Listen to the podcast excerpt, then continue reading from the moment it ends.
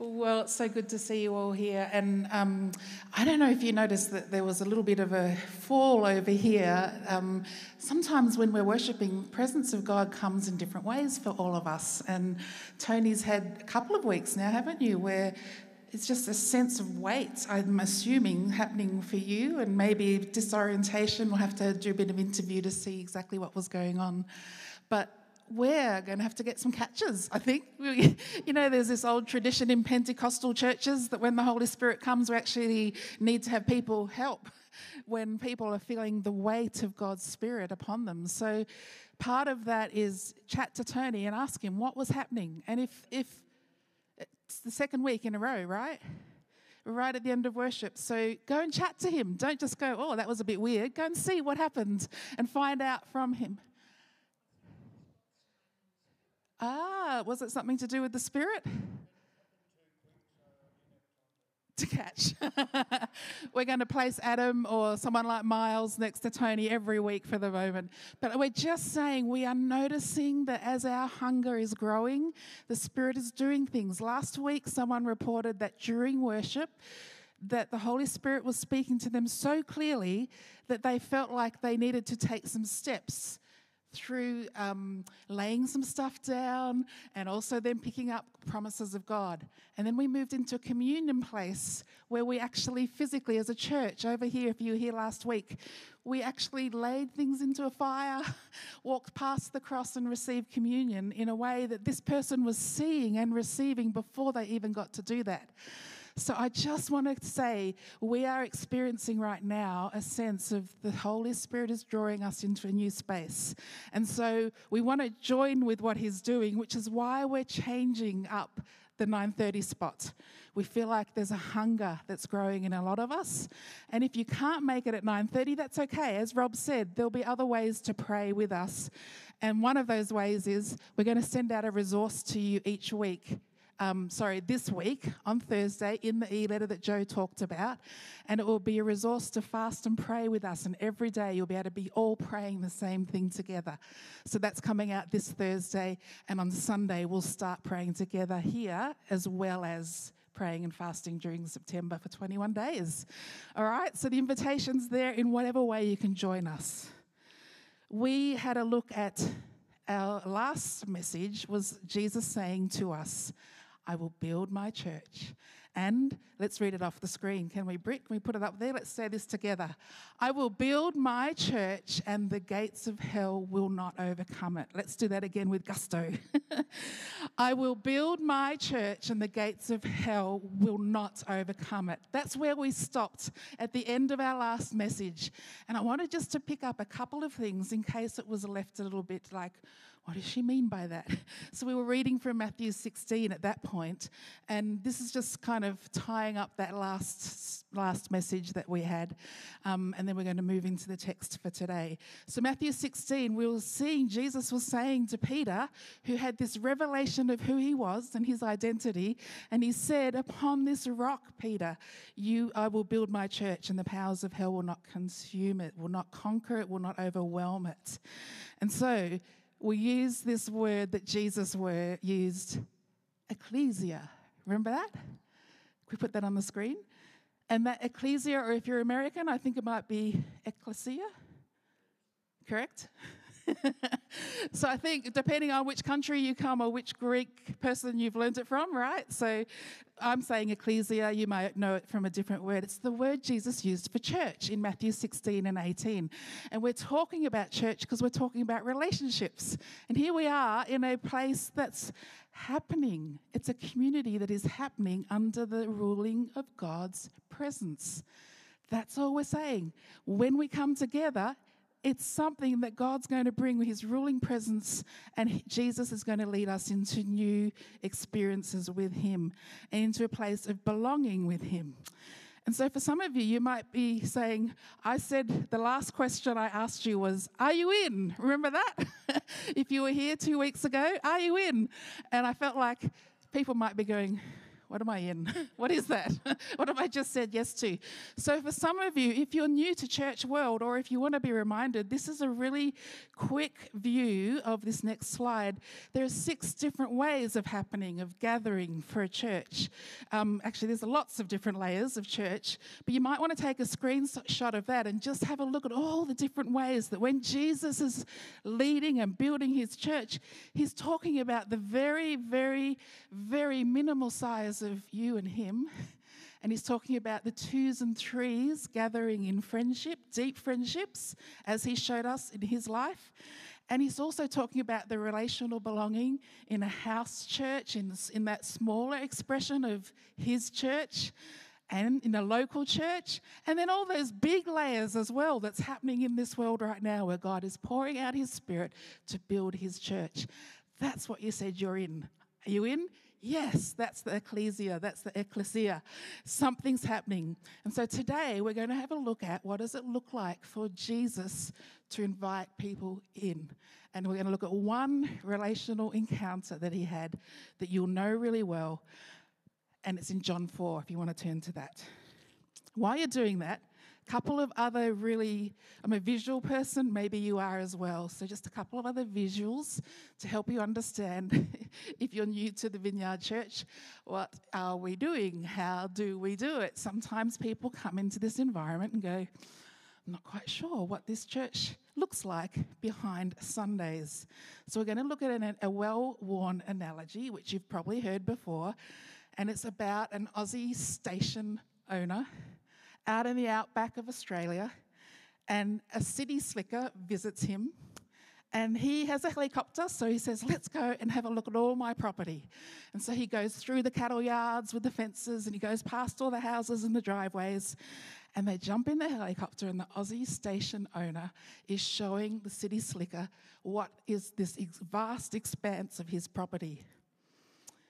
The city slicker said, Hang on, where's all the fences for your stock? Because it's just land forever, expansive. And the owner says to them as they're in the helicopter, says, It's not a problem out here. We don't need fences to fence the stock in. We don't need that because the cattle will find where the water source is, and then we'll know where they are and where the stock is. Where the water source is, they'll come to it. No fences, we build wells. And so we're a church that believe in the vineyard that we're building wells. We're not building fences as people gather together. And so that could be your life, could be a refreshing well to someone. This place on a Sunday could be a refreshing well. And all those other expressions of layers of ecclesia becomes an, an expression of a water source for those that need to find water. And so, if the outback in this analogy represents our culture, it also means that are we into building fences or are we into building wells? What's Jesus doing? He's drawing people to his water. So, I've borrowed a couple of other visuals just to help you with that. This is from a New Zealand vineyard, much more better at design than me. and so they asked the question, and we ask, how do people gather together? And if you study sociology, the so- social studies, the understandings, is that it recognizes that people do group together in different ways. And so we're saying, as a church, we're going to be grouping together in a specific way. And we don't build fences, that would look like this first option, which is a bounded set. And this set theory is about how people gather together. And so in the vineyard, we believe the big group of people is going to look different than this. The bounded set is when a big group of people come and you draw a boundary around it, and people are in, like that blue circle, or they're out.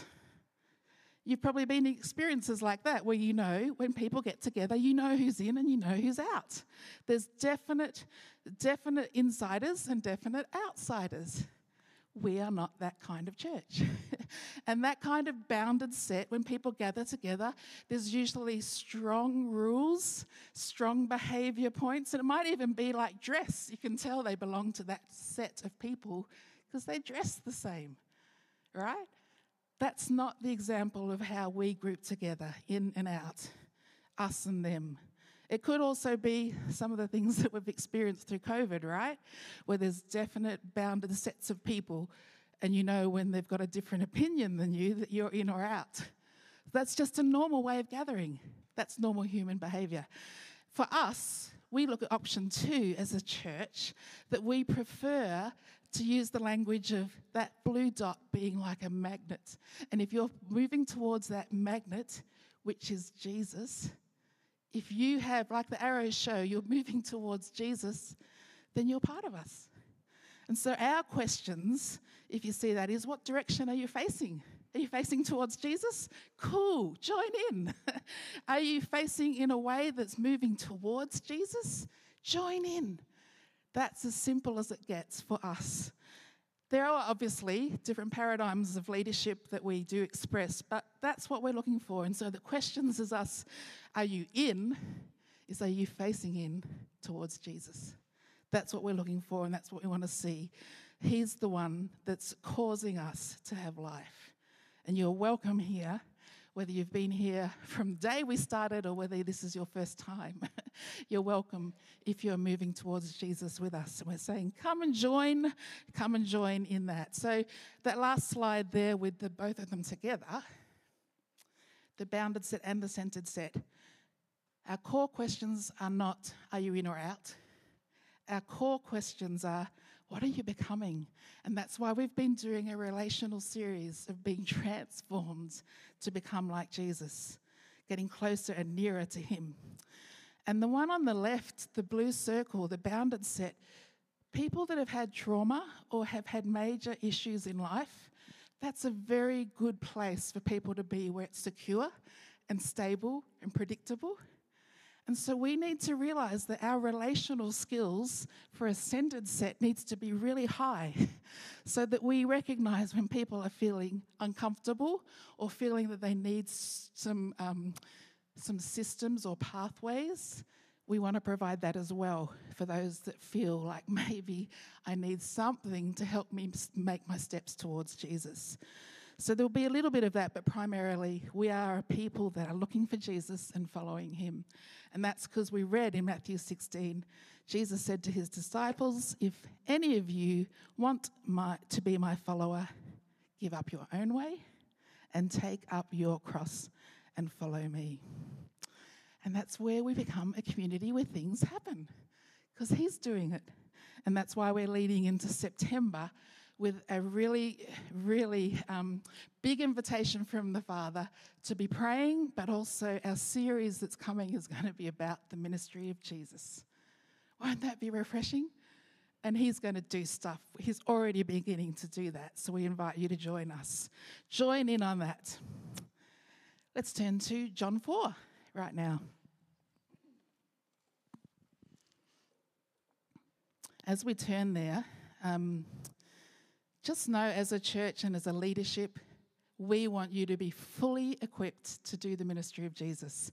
So as we move into the Sundays in September, not only with prayer at 9:30, but our gatherings together are also going to be to equip you.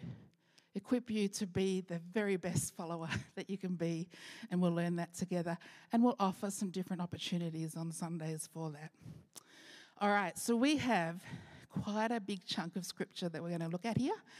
It's Jesus talking to a woman at a well, and his disciples have gone off to get some food for lunch. And this is what happens. Now, remember, this is the end of our series of relationships. So, if you've been tracking with us, think of all the things that we've been looking at. If you're new, just look at the relational connection that Jesus lives out of.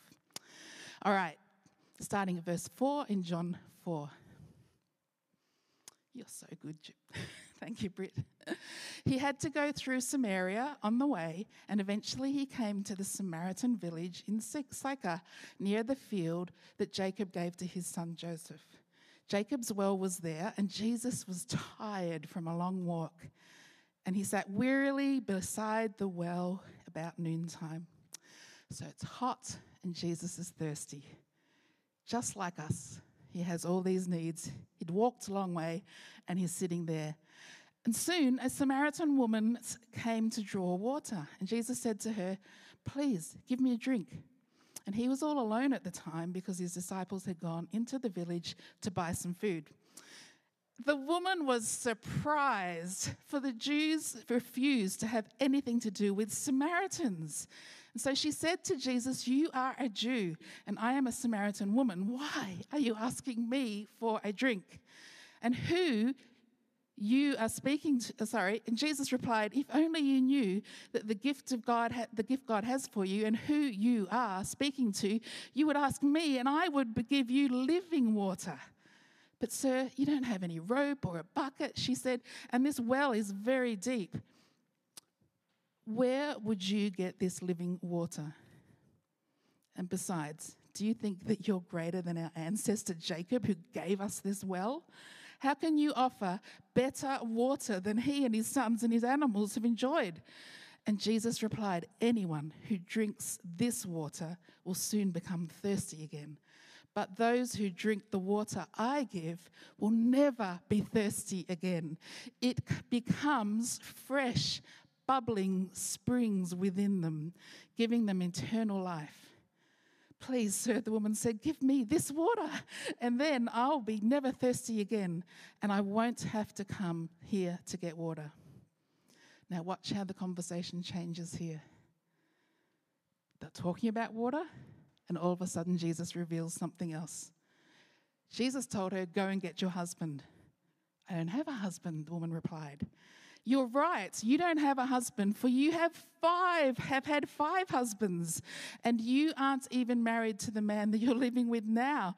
You certainly spoke the truth. Sir, the woman said, You must be a prophet. So tell me, why is it that you Jews insist that Jerusalem is the only place to worship, and while we Samaritans claim that it's here at Mount Gerizim, where all our ancestors worshipped? And here comes the clinker. Jesus says, Believe me, dear woman, the time is coming when it will no longer matter whether you worship the Father on, the mount, on this mountain or in Jerusalem. You Samaritans know very little about the one you worship, and while we Jews know all about him, for salvation comes through the Jews. But this time is coming, and it's indeed here now, when true worshippers will worship the Father in spirit and truth, and the Father is looking for those who will worship him that way. For God is spirit, and so those who worship him must worship in spirit and truth. The woman said, I know the Messiah is coming, the one who is called Christ. And when he comes, he will explain everything to us. And Jesus told her, I am the Messiah. Just then, his disciples came back and they were shocked to find him talking to a woman, and none of them had the nerve to ask, What do you want with her, and why are you talking with her? The disciples were kind of shocked because there is a whole lot of cultural barriers that Jesus was just breaking through in that whole encounter. We're just going to really quickly have a look at a couple of things related to how Jesus talks one on one with people and invites them into the journey of being a follower of Him. So, first one is have you heard of divine appointments? Have you heard of that? When we heard a testimony this morning actually where we see God goes before us and sets up things so that someone's ready and prepared for a situation. And so the first thing we're going to look at is that the Holy Spirit appoints times and appoints moments in our lives where God is at work all the time and then we step into it. So the first point here is God is already at work with this woman. God is already at work with you before we even arrive on the scene, before you even arrived in this world, God was at work setting up things for you and for your life. Before you enter your day, God is already at work. So in John 4, we see here's this woman. She's, her life's been totally prepared for this moment. She's got all the right questions to ask as a Samaritan. And she's also expressing a need to be able to serve Jesus and say, I want you to have your natural thirst met. And this woman is also responding to the whole resistance of what it is to be a woman with five husbands, that's had five husbands, and how that's felt in rejection. And she's also saying that it's her that Jesus has connected with and revealed his identity to. The disciples must have just come back and said, What the heck is going on here? It was a mind blowing moment. Jesus starts a conversation, touches on the spiritual hunger that he heard in that conversation with her. When she said, Give me that water, I want that in my life, there was a spiritual dynamic that was, was being released, released in that natural moment. And today we're just going to look at God is at work all the time in your life, and He's opening opportunities for you to see when there's spiritual hunger in those around us so they can join in as well in this centered set. Come on, follow Jesus with us. God is always at work and inviting us to help connect people to what He is already doing. So, in a sense, we become interpreters of the kingdom of God. God is always at work connecting Jesus to the spiritual hunger of people around us. That gift is at work right now in your life, being prepared for others in relationships that you're already in. So, if we're going to be people that see the kingdom come, if we're going to be people that see the kingdom come in our relationships, our daily, every, everyday, ordinary life, we need to just take the posture that Jesus takes. That in every moment we're tuning into what's the Father setting up here? What's He doing? Are we living with that worldview, I wonder?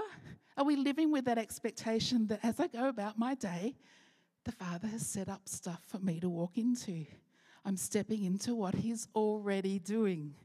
And so we are now going to be turning to some questions about like, have you ever experienced and been a recipient of God's divine appointment where He has had a moment of breaking into your life and you realize that someone is delivering His love to you in a really special way? Anyone? Have you been there? Yeah, yeah. Have you ever partnered with God to do that on behalf of others? It's just such a joy to be found in partnering in what He's already doing in someone else's life. When I was learning this, and I tell you, once you learn it, you can't go back. And I know many of you are in this room because you know that God's already doing stuff through your life, not just in your life, but through your life. And when I was first learning this, I was out doing my daily walk and went to a place that was very familiar. And as I walked past this garden towards this trail that I was going to, I noticed this garden. I'm not a gardener, I don't notice gardens, but something flew past my mind of, oh, what a great garden. Now, it was so annoying because that comment, that conversation that God started, what a great garden, went with me on my whole walk. It could not, it could not get it out of my mind. It just grew stronger and stronger until I said, All right, what is it about the garden, Lord? What is it? and so he just said, There's a really good gardener that lives in that house.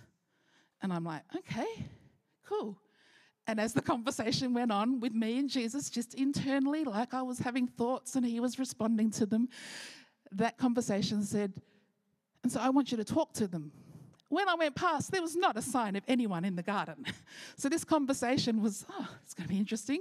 And I started to get excited. I wonder if there's going to be someone in the garden when I go back to my car. Guess what? There was. There was a lady in the driveway and she was shoveling from her trailer dirt into her driveway. I was already prepared and scared because I was learning. and so, first thing is that you need to learn how to approach people without scaring them as well. so, I approached this lady, and some of you have heard this story. And I just said, Hi, I just wanted to say to you, because I had this in my head, you're a great gardener. Because I'd already heard that from God. That's all I had to say. I love your garden. You're a great gardener. And she started to get teary. And I'd stepped into something. While I was walking, this lady had been to the nursery to pick up a trailer of dirt. The trailer on the highway, while I was walking, fell off her car in the middle of the highway. While I was walking, a stranger helped her get that trailer off the road so she was safe. While I was walking, have this conversation, there was another stranger that came and helped get that trailer home. Put it on their car, took it home, and the lady was in the driveway when I came back. And I said, while I was walking, I had this impression that God wanted you to know He sees you and that God loves you. And she started really crying. Her husband had died recently. She had not been um, brave enough to go to get a trailer load of stuff for her garden. This was her first time. It was a disaster. But God prepared three people to come, strangers to come, and I got to be that third person. I got to be that person that explained the kindness of God. I got the joy to be able to say, This is what God's kindness and love looks like. If we're prepared and tuning in, they're the kind of joyful moments we get to share. Did she become a Christian and come, you know, do the whole oh, I believe in God, I'm going to fall on my knees. No. There's processes and there's partnerships. And sometimes we get the joy of leading people through the door into the kingdom with people. And other times there might be three or four or five. We're told there's usually 10 conversations of the reality of Jesus to come to people. So be prepared. God's always doing stuff that you can step into. And you need to speak you need to share. And the biggest thing you've got to share is your story about how God has been real for you. You don't need to know all of the Bible, even though many of you in this room know a lot of the Bible. It's not only about that. You just need to have an experience like that woman did that was real. And we see later in the chapter, she went and shared it and she told her whole village. And we'll see more about that shortly. All you need to do is step into those moments that God's prepared and speak or act or do whatever He's asking you to do, and people will see God is at work in your life and in theirs. Second point is we get to help people take a step towards Jesus. If you can help people take centered set closer towards Jesus, you're having a good day. If you can do that more than once in a day, awesome. but we are just being responsive to what He's already doing in people's lives. We can help people take one step towards Jesus. A conversation about a glass of water. I picked my bottle over. a glass of water ended up with a whole village seeing who the Savior of the world was. So, there are a number of steps as people move towards Jesus. We are all in a process of learning discipleship, and we are all in a process to help others to come on the journey with us. Don't you just think that sounds fun? Like, come along, tag along, come and see what Jesus does. That's exactly what this lady did. And we are the ecclesia, the sent out ones. We're the ones that, as soon as you know Jesus, you have the opportunity to be sent out and help others step closer to Jesus. And sometimes it's dramatic, like falling off a chair, right?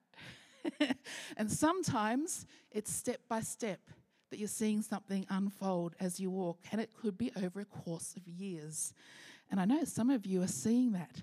Right now, in some of your families, there are conversations that are happening over a course of years where finally things are starting to spark in people in your families and those close relationships. So, all we do is posture ourselves in expectation and anticipation This is the word for the month anticipation and confidence that God is doing things and that He wants us to help walk alongside people. God is pouring out His Spirit on you, and God is pouring His Spirit out on me, and God is pouring His Spirit out on us, all ages, youth as well, right, Joe? Yeah, she said yeah for the recording. In fact, she said absolutely. so, God is pouring out something, Jesus is building something bigger than we are aware of, and all we get to do is join in. Now, in this chapter, the culture of hearing a woman's testimony is actually that they didn't think that women were stable enough. to actually speak about sh- such things. Now, interesting today that we've had three girls up the front with microphones, as well as Trav and Dave, and we just believe that this is open to everyone. Right? We believe anyone that can speak, anyone that's got a relationship with Jesus has something to offer. In that culture, though, um, it was also that she had had five husbands. Isn't that a clash of culture as well? Everyone's welcome. Doesn't matter what your background is, Jesus cleans and heals and strengthens us. And the other thing was, Jesus was talking to a woman on his own, another clash of culture. And so sometimes we just have to push through these barriers that, like, I'm not sure if I'm allowed to do that. Jesus will probably lead you into places that are uncomfortable like being a female pastor that's not married, right? that's a real mind blower for some people. Some people, that's not acceptable, still, sadly. Yeah. it's true. It's true. I, yep, anyway. So Jesus is here talking to a woman. Jesus is here also talking to a Samaritan. Jesus is also here saying he's the living water, so cryptic, but also inviting something that's amazing.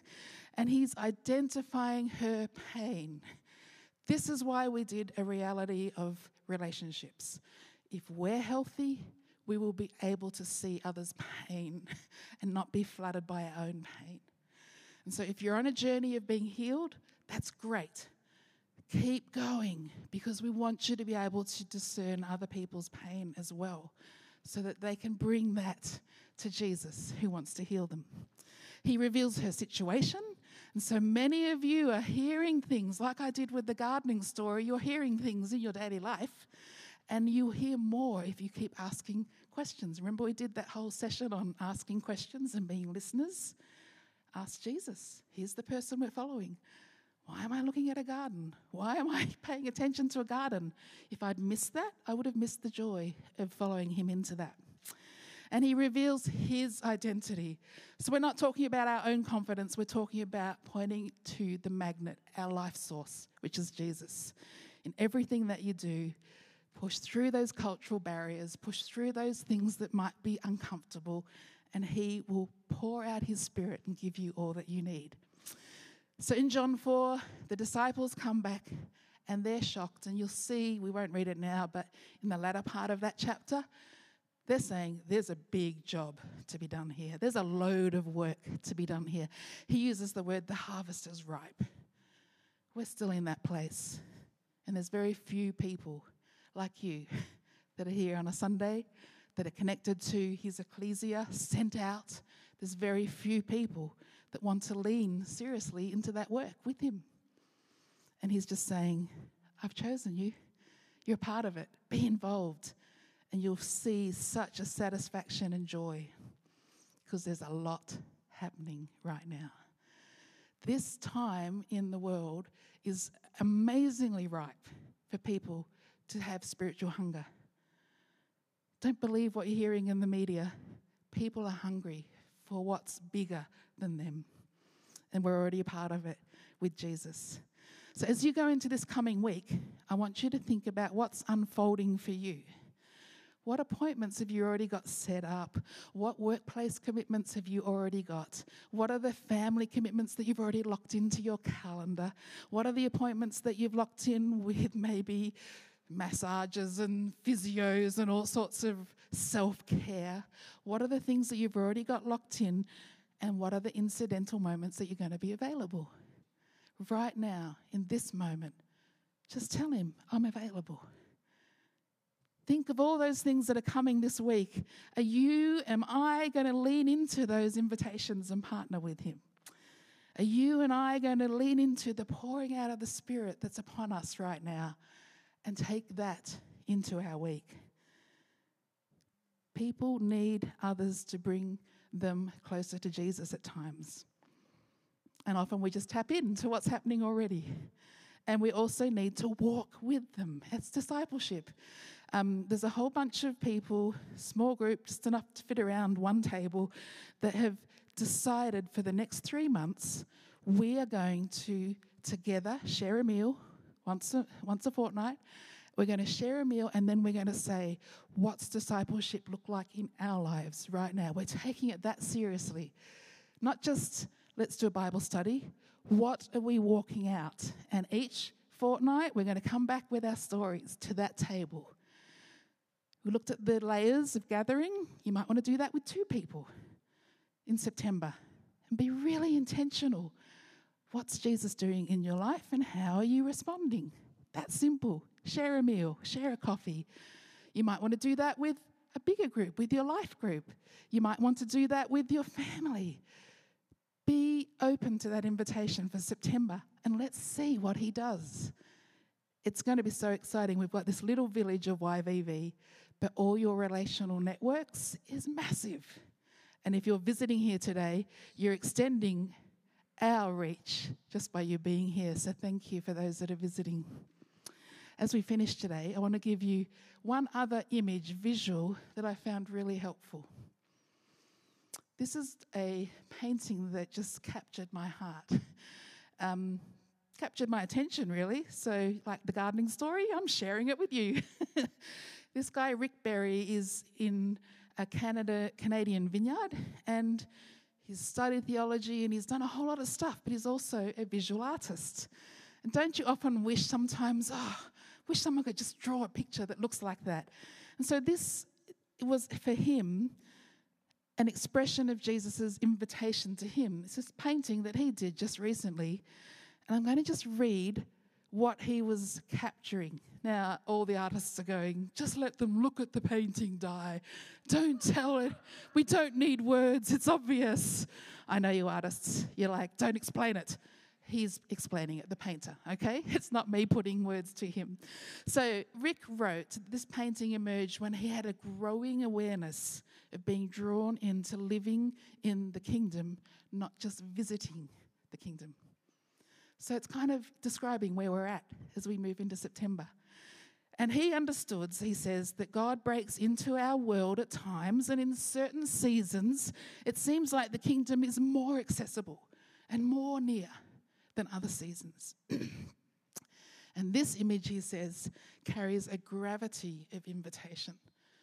It's not playful, even though I know some of us have got a playful engagement at the moment. Ben's got this amazing language going on at the moment, Ben over here, where the Holy Spirit's saying, Do you want to play a game with me?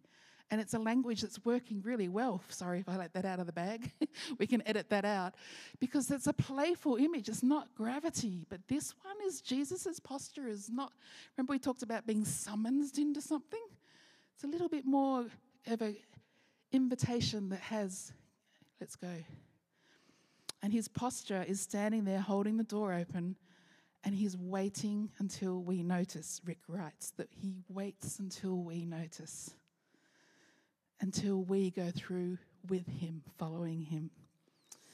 And he's saying in this painting, this is the way, the ki- this is the kingdom. And then Rick unpacks this whole thing about the word kingdom. In Hebrew, it comes from the idea of walking, of walking, to walk among people. This idea of kingdom is the realm of his walk. So if you think back to the picture that we saw of the way people gather, if we're walking towards Jesus, we're doing kingdom work. So Rick keeps saying here that the kingdom was the realm of Jesus' walk. And Rob Carter was up here before, he calls it kinging. When Jesus is the king, he's, a, he's kinging. right? So the king is already op- operating in his rule. Rick says, Jesus would say, I'm the way, I'm the door, and he's talking about his kingdom and to walk among people. And everything about the kingdom, Rick says, is discovered through the way Jesus walked among us.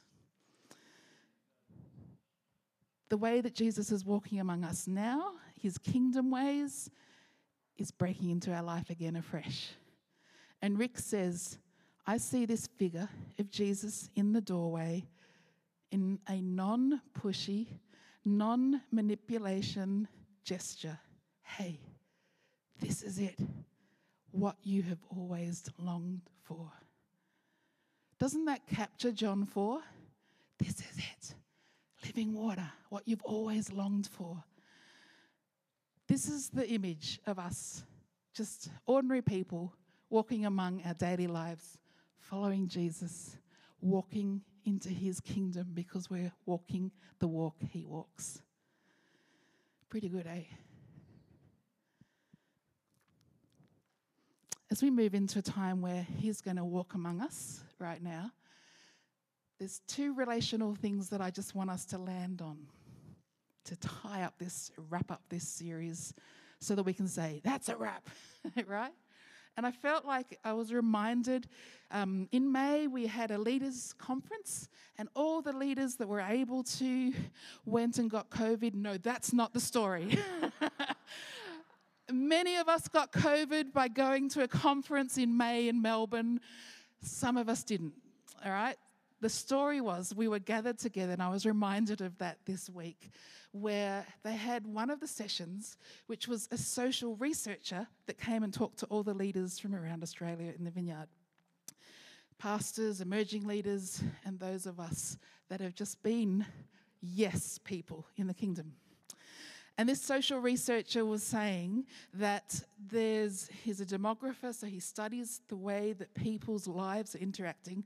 And after the pandemic, he said there was a very clear trend that happens, which I've got a slide for, I hope. Did that get dropped in there? Yes. And it's a phrase that I'd not heard before about relational fitness. And so, as we're finishing, I just want to just tell you some of the things he said to us as leaders you might notice them in your own life, you might notice them in the lives around you. And so he started to say it's kind of like when you go to a gym. Uh, uh, sorry. can you relate? Uh, some of you can relate. When you go to a gym and you start to focus on fitness or movement, whether it's walking, swimming, whatever it is that you're wanting to develop in your fitness, and you achieve that degree of fitness, and then you achieve a degree of strength and you go beyond that and you keep growing in your gym capacity and your fitness capacity, right? And then if you stop, what happens?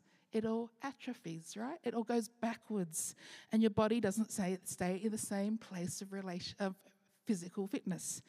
And it's the same with our relational fitness. We've just come through a time, he was telling us, that post pandemic, people are really worn out relationally. People are really tired, and it's not that they don't want relationship, it's actually, he was saying, we don't have the fitness that we used to have relationally because of what we've been through. And so he was saying it's like a physical body where the memory is still there. And you go back to fitness after a time of stopping, it can be reactivated and your body remembers it, I believe, right? Is anyone saying yes? Yeah. He was saying that's what happens. He was a jogger, so I believe him. so, have you ever been on that journey where you've had an interruption with fitness and then maybe you've let it go, or maybe something's needed to have more priority for you, and it takes a while to rebuild, doesn't it? That fitness level and that degree of fitness. And it's the same thing. People have a relational fitness memory that's in them, and it's in their well being, it's in their past experience and yet it's completely fatigued after the last few years. And it's been really impossible to plan things with people. It's been really impossible for us to set up a rhythm again in those three years, and particularly in the last two years, where you plan something and have to cancel it or adjust. We know that how that feels, right? Our relational fitness is now needing to be rebuilt. And so he shared these phrases, which some of you may have heard. First one is uh, FOMO. You heard of FOMO? Fear of missing out. So, one in the past, we would say, Oh, you see things on socials or you hear about your friends have done stuff and you've got FOMO because you fear that you've missed out on something better and you're there experiencing things better than you. And then we moved into JOMO, which is the joy of missing out, where people were breaking away from anything that they were invited to and just going, I'm just going to do JOMO. I'm not, I just want to do my own joy, and I don't care what you're doing in your social group or with your friends or with your family. I'm just going to do my own thing. JOMO. And then we've landed in this coming into a place of HOGO. Hassle of going out. Remember when, oh my gosh, this time last year, it was such a hassle to even go out. Masks, sanitizers, phones, scanning, all that was such a hassle. And we have moved through that, and some of us haven't got our relational fitness back yet, where it's still a hassle. Many people around us are still experiencing HOGO, including many of us in this room. We're exhausted. There's a hassle. Some of us have noticed, even with restaurants, if you work in restaurants, that that's been a large thing of no shows. People will book they're coming, and then there's a hassle, so they don't come for whatever reason, they've lost their relational fitness. And so, as we tie up this relational series, and I'm encouraging us all to be able to talk to people in ways that are going to invite people, be aware this HOGO thing is real right now. And that some people, it's a hassle to be invited in to something new right now. And you might even be feeling a bit of anxiety going, Oh, I feel that right now. I'm tired.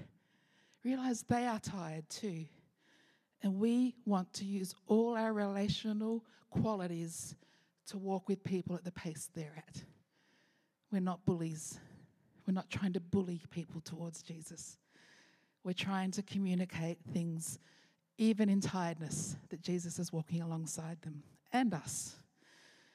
And again, I've learnt, and if you're in any sort of leadership, we have to communicate more than once. We have to actually communicate more than twice because people in HOGO don't hear either because there's, this resistance because I'm so tired. And so sometimes we have to say it five or six times in whatever region of influence you're in. Have you noticed that? Keep saying it again, keep saying it again, keep saying it again. It's not because they don't want to be involved, it's because we're in HOGO, some of us the hassle of going out and we're tired. We haven't got our relational fitness back yet. And so the Spirit of God's saying, I don't want you to be stuck in that place. And I want you to be ready to walk into what I'm already doing. And I want you to be ready to do that at the pace that I'm doing with each person. So, this week, as we've looked at all our appointments, we've looked at all the things in our schedule, just put that through the filter now that if this week Hogo comes and visits you, choose what you're going to do right now. Choose what your priority is going to be and your response. So, all I want us to do right now is just acknowledge it that some of us here are relationally tired. We've got Hogo. Some of us are also yawning. No, just kidding. Some of us are just exhausted. And even being here, I just I keep saying to anyone that arrives for the first time, I'm giving you a medal. You found us. You're in church on a Sunday morning. That's amazing. It's a big thing for you to all be here. It's a big thing for each of us to put this as a time of setting aside to worship. So, my encouragement is that if Hogo happens for you and visits you this week, acknowledge it. Say to God that I'm tired. Let Him know. Let Him know that your relationship season has been hard. And then ask Him to fill you with that thirst that we saw in John 4. Come to the well. He's the source, He's the living water that never runs out through his presence. So, how we're going to finish today is through that invitation that if you would like us to pray for you, because the ministry of Jesus is here, just stand if you've got a hogo feeling, if you're feeling like it's been a hassle at times to push through that, I'm with you. If you feel like that, stand up. We want to bless you with relational fitness growing and thirst being answered Thank you for being just so brave and being first. Well done. if you are experiencing that, we are going to just put all our affection and our prayers towards those that are experiencing that so they will be leaving today having the Holy Spirit ministering to them. Is there only one person that's brave? Yeah, great, great. Anyone else that's feeling that relational hogo? Great. Thank you for standing. We're going to just pray. Let's move towards those that are standing. We're just going to put our hands on them if, if they're okay with that and bless them with living water. Anyone else stand if you'd like some prayer about Hogo, particularly, is where we're going for today. Source of water Jesus comes alongside, and we're just going to allow His Spirit now to come and refresh any relational fatigue. So let's all just put your hands towards those that are standing, and you are now going to be just releasing a blessing over them that they'll be filled up again, that living water will be what they experience, that that relational fitness, that relational fatigue will be replaced with relational fitness. Thank you, Lord. Thank you, Lord. So we just bless them now with the living water, Holy Spirit. Any dryness, come and fill them up now. Give them all they need to push through this now. Would your spirit come? Return life to them in that relational area. Let it start with you being the source, Lord. Thank you. Thank you. And so, Jesus, his kingdom is here and near and at work.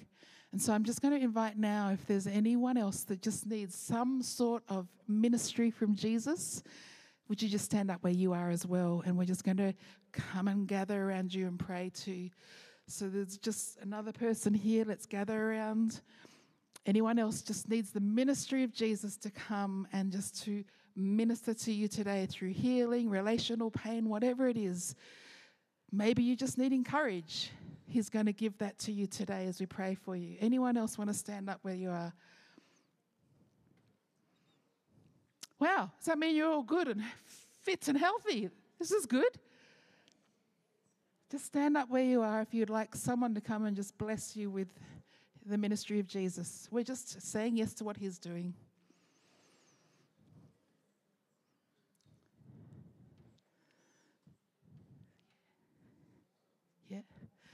Someone over here can gather around. Chris, you're good? Or are you just standing? You'd like some prayer? Yeah, cool. So, someone go and gather around those that are near Chris. Yep. Let's just bless him.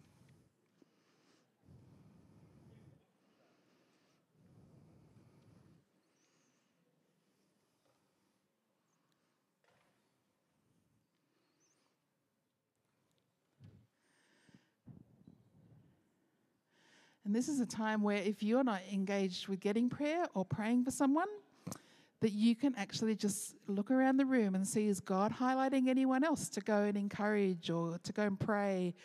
Or maybe you've got a word for them and you just want to go and give that to them. this is where things start to happen because we're a community that follows Jesus.